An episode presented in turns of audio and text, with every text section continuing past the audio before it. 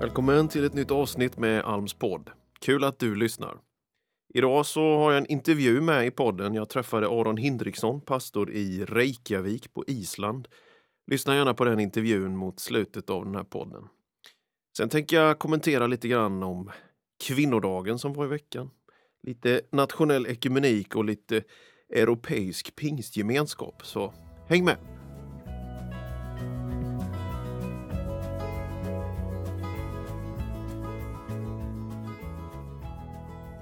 När man eh, tänker på eh, internationella kvinnodagen som var i onsdags den här veckan, den 8 mars, så sätter den ändå fokus och fokuserar situation med kvinnors eh, roll i samhället i relation till oss män. Allting som handlar om hur vi behandlar varandra, de möjligheter som finns till arbete, utbildning, utveckling, att ta steg framåt. Och min värld är ju kanske primärt ändå kyrkans värld.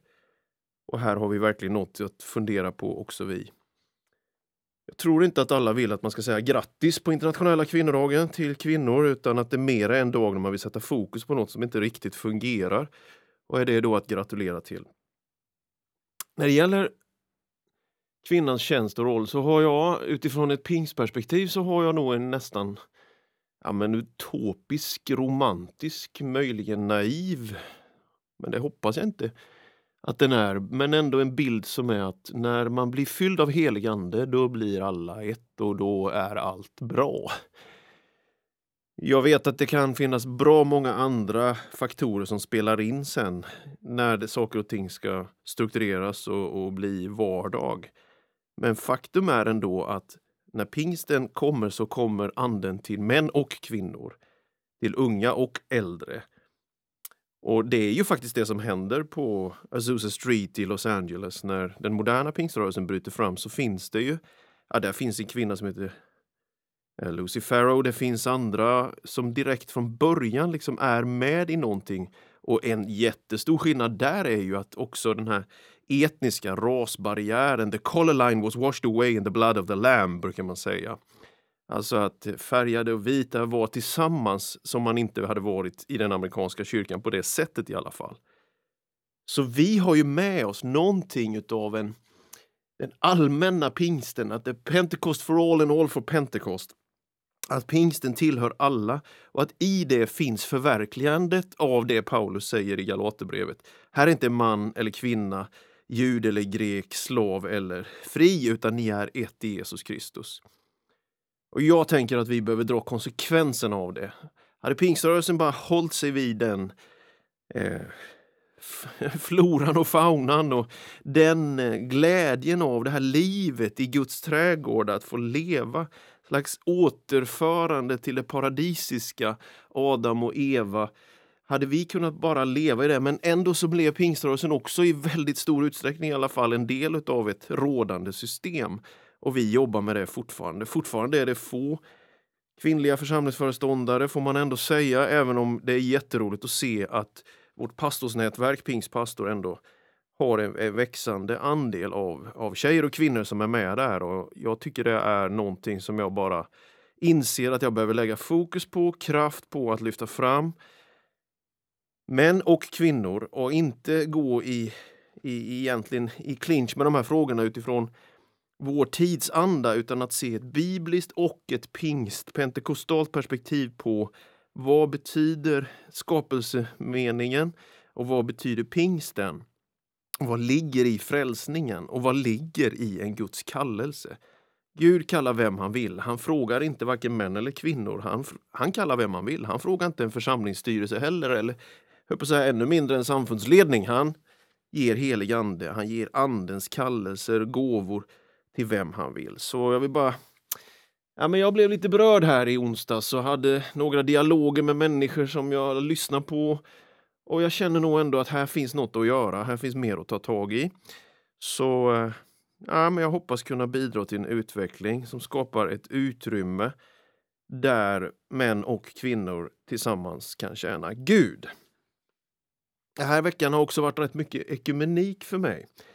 Och ekumenik eh, i min roll just nu då som föreståndare för pingst, det betyder ju att Bland annat möter man de så kallade frikyrkoledarna. Så vi hade en dag tillsammans. Vi pratade och gick igenom det som handlar om församlingsutveckling, församlingsplantering, vår närvaro på universitet, högskolor och sjukhus.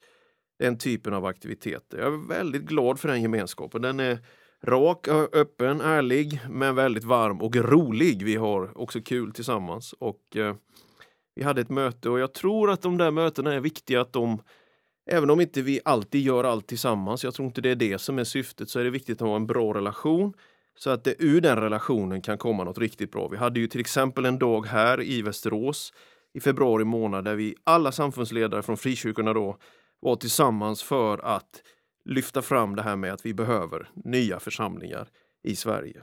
Det var riktigt trevligt att få träffa mina kollegor i veckan här och så vidgades den kretsen till Sveriges kristna råd. Sveriges kristna råd hade sitt styrelsemöte och där ingår samfundsledarna och ytterligare några representanter. Det är fyra kyrkofamiljer som bildar Sveriges kristna råd. Det är den lutherska kyrkofamiljen, det är den ortodoxa, den katolska och så är det frikyrkorna då. Och ifrån frikyrkorna så var jag med, eller jag är en av styrelsemedlemmarna i Sveriges kristna råd. Just nu är det Lasse Svensson från Equmeniakyrkan som är ordförande för Sveriges kristna råd ordförandeskapet det går runt ibland de olika frikyrk äh, kyrkofamiljerna. I eh, Sveriges kristna råd så ja, där behandlas ju olika frågor som remisser från olika utredningar som pågår i riksdagen. Det är en del projekt som görs tillsammans, även om det primära ändå med Sveriges kristna råd är en mötesplats för oss att mötas, att ha dialog, ha relationer och utbyte. Vi eh, beslutade att fortsätta med juluppropet, att ändå vilja hålla fast vid detta att vi tycker att vi ska ha en generös flyktingpolitik och låta människor kunna få stanna här som har kommit hit. Vi har aldrig sett det som att alla gränser bara ska öppnas, att det ska vara någon slags anarki i det här systemet, men vi tycker att vi vill stå på den sidan som ändå säger att vi kan vara generösa.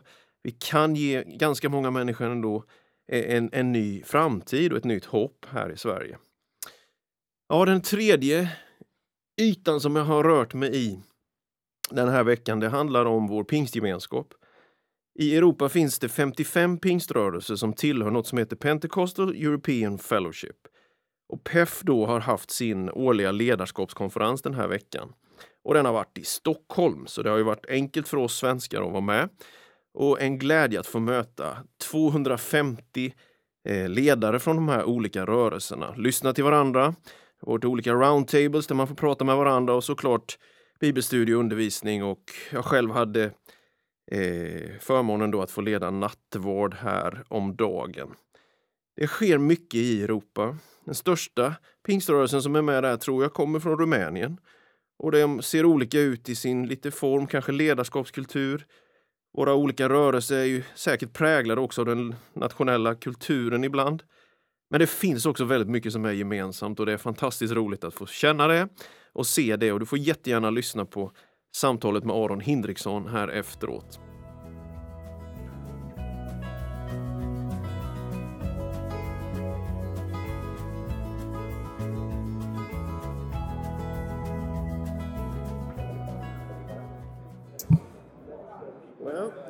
It's a joy for me to welcome to this podcast uh, colleague pastor from Reykjavik, mm-hmm. Aron Hindriksson. Is that your name, right? That is completely correct.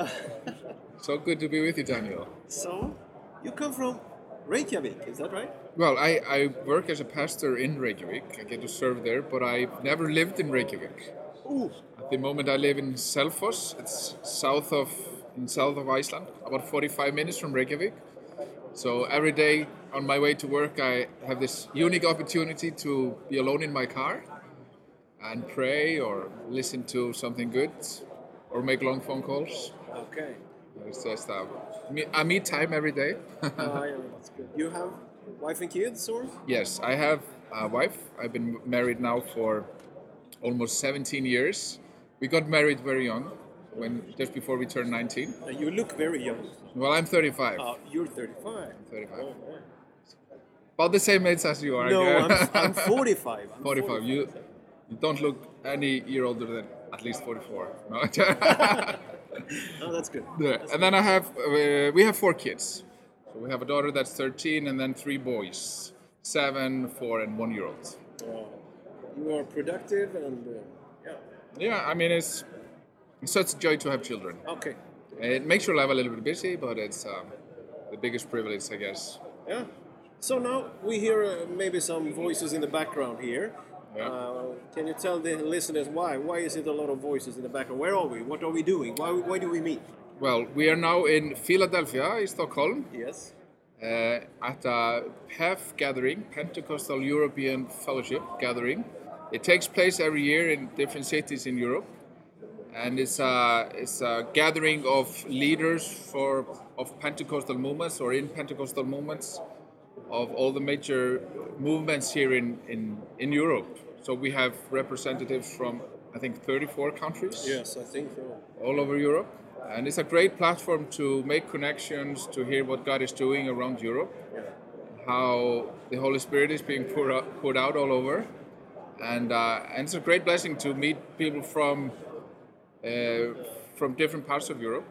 Some that are, some cultures that are very different from ours. I guess the Swedish and the Icelandic culture are, are pretty much the same. Yes. We are, It feels you're a little bit more Vikings than we are, but that's my that's maybe my just ideas. that's probably just ideas, Yes, yeah. probably. We are softer than we look.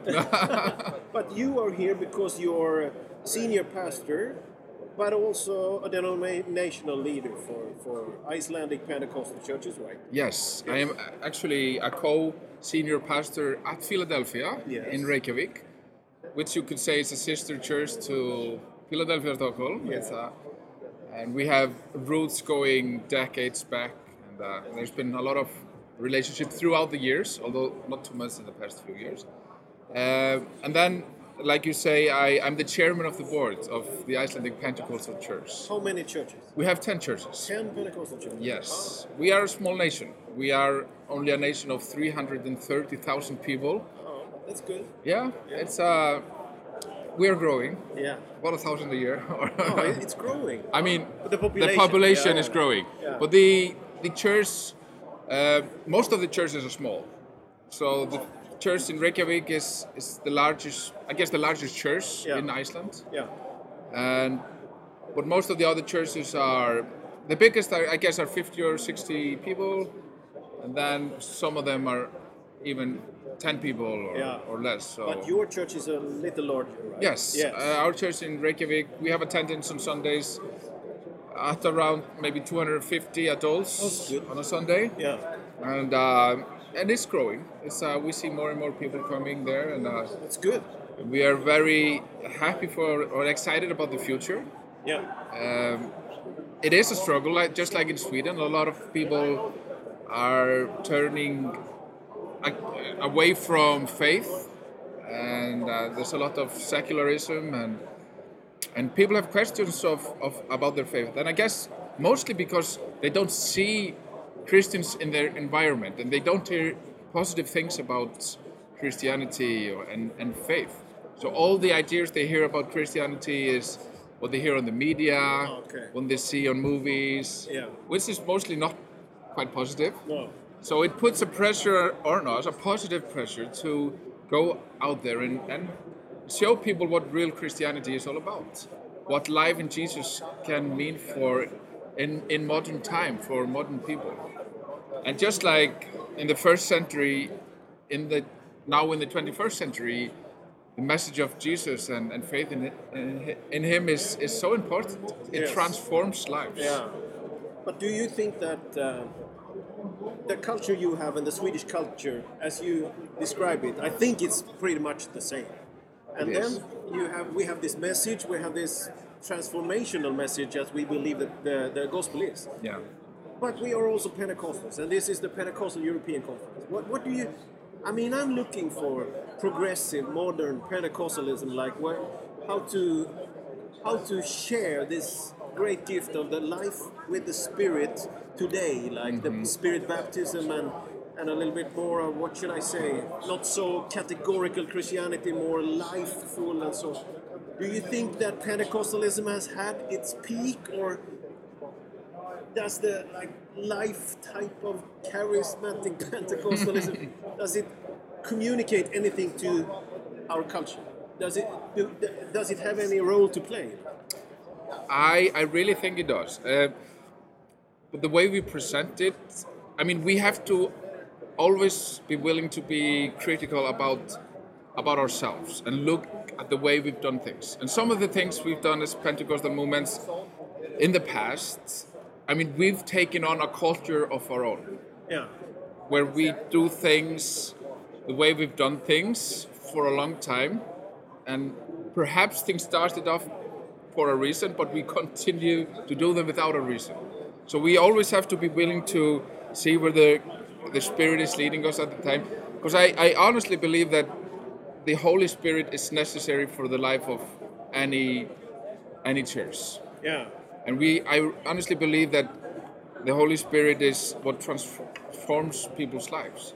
And uh, but today, modern society is so much about relationship, and what we need to do is to introduce people to a relationship rather than religion. Yes. A relationship to Jesus Christ. It starts more with the fellowship, the community. You know. It, it does. Yeah. And, and I think that's the way to reach people. Yeah. Is to connect with them, and as they connect to us, they see Jesus in us, and hopefully they see the Holy Spirit in us. They become hungry because with all the entertainment, with all the media, with all this stuff that you can choose from, material things that Yeah. we can Yeah.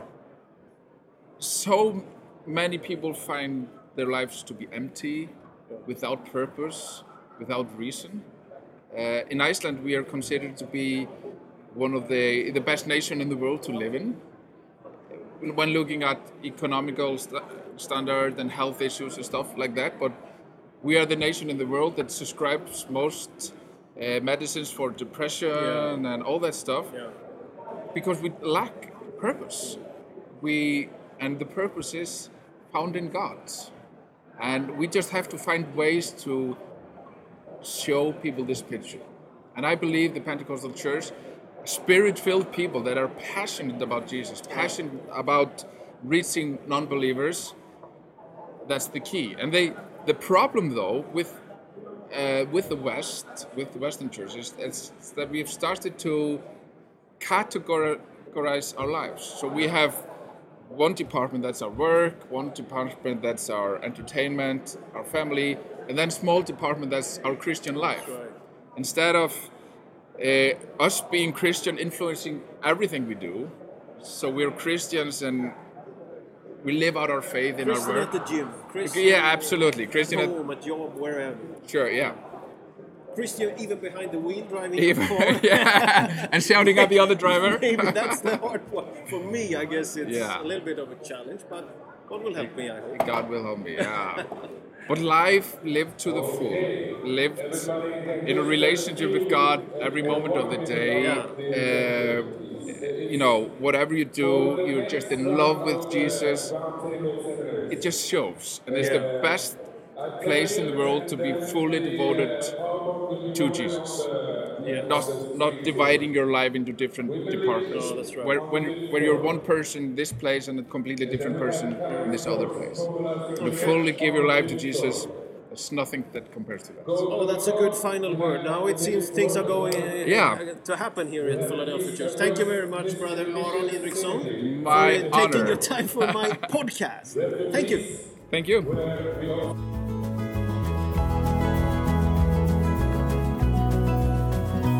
Tack för att du har lyssnat idag. Gud välsigne dig.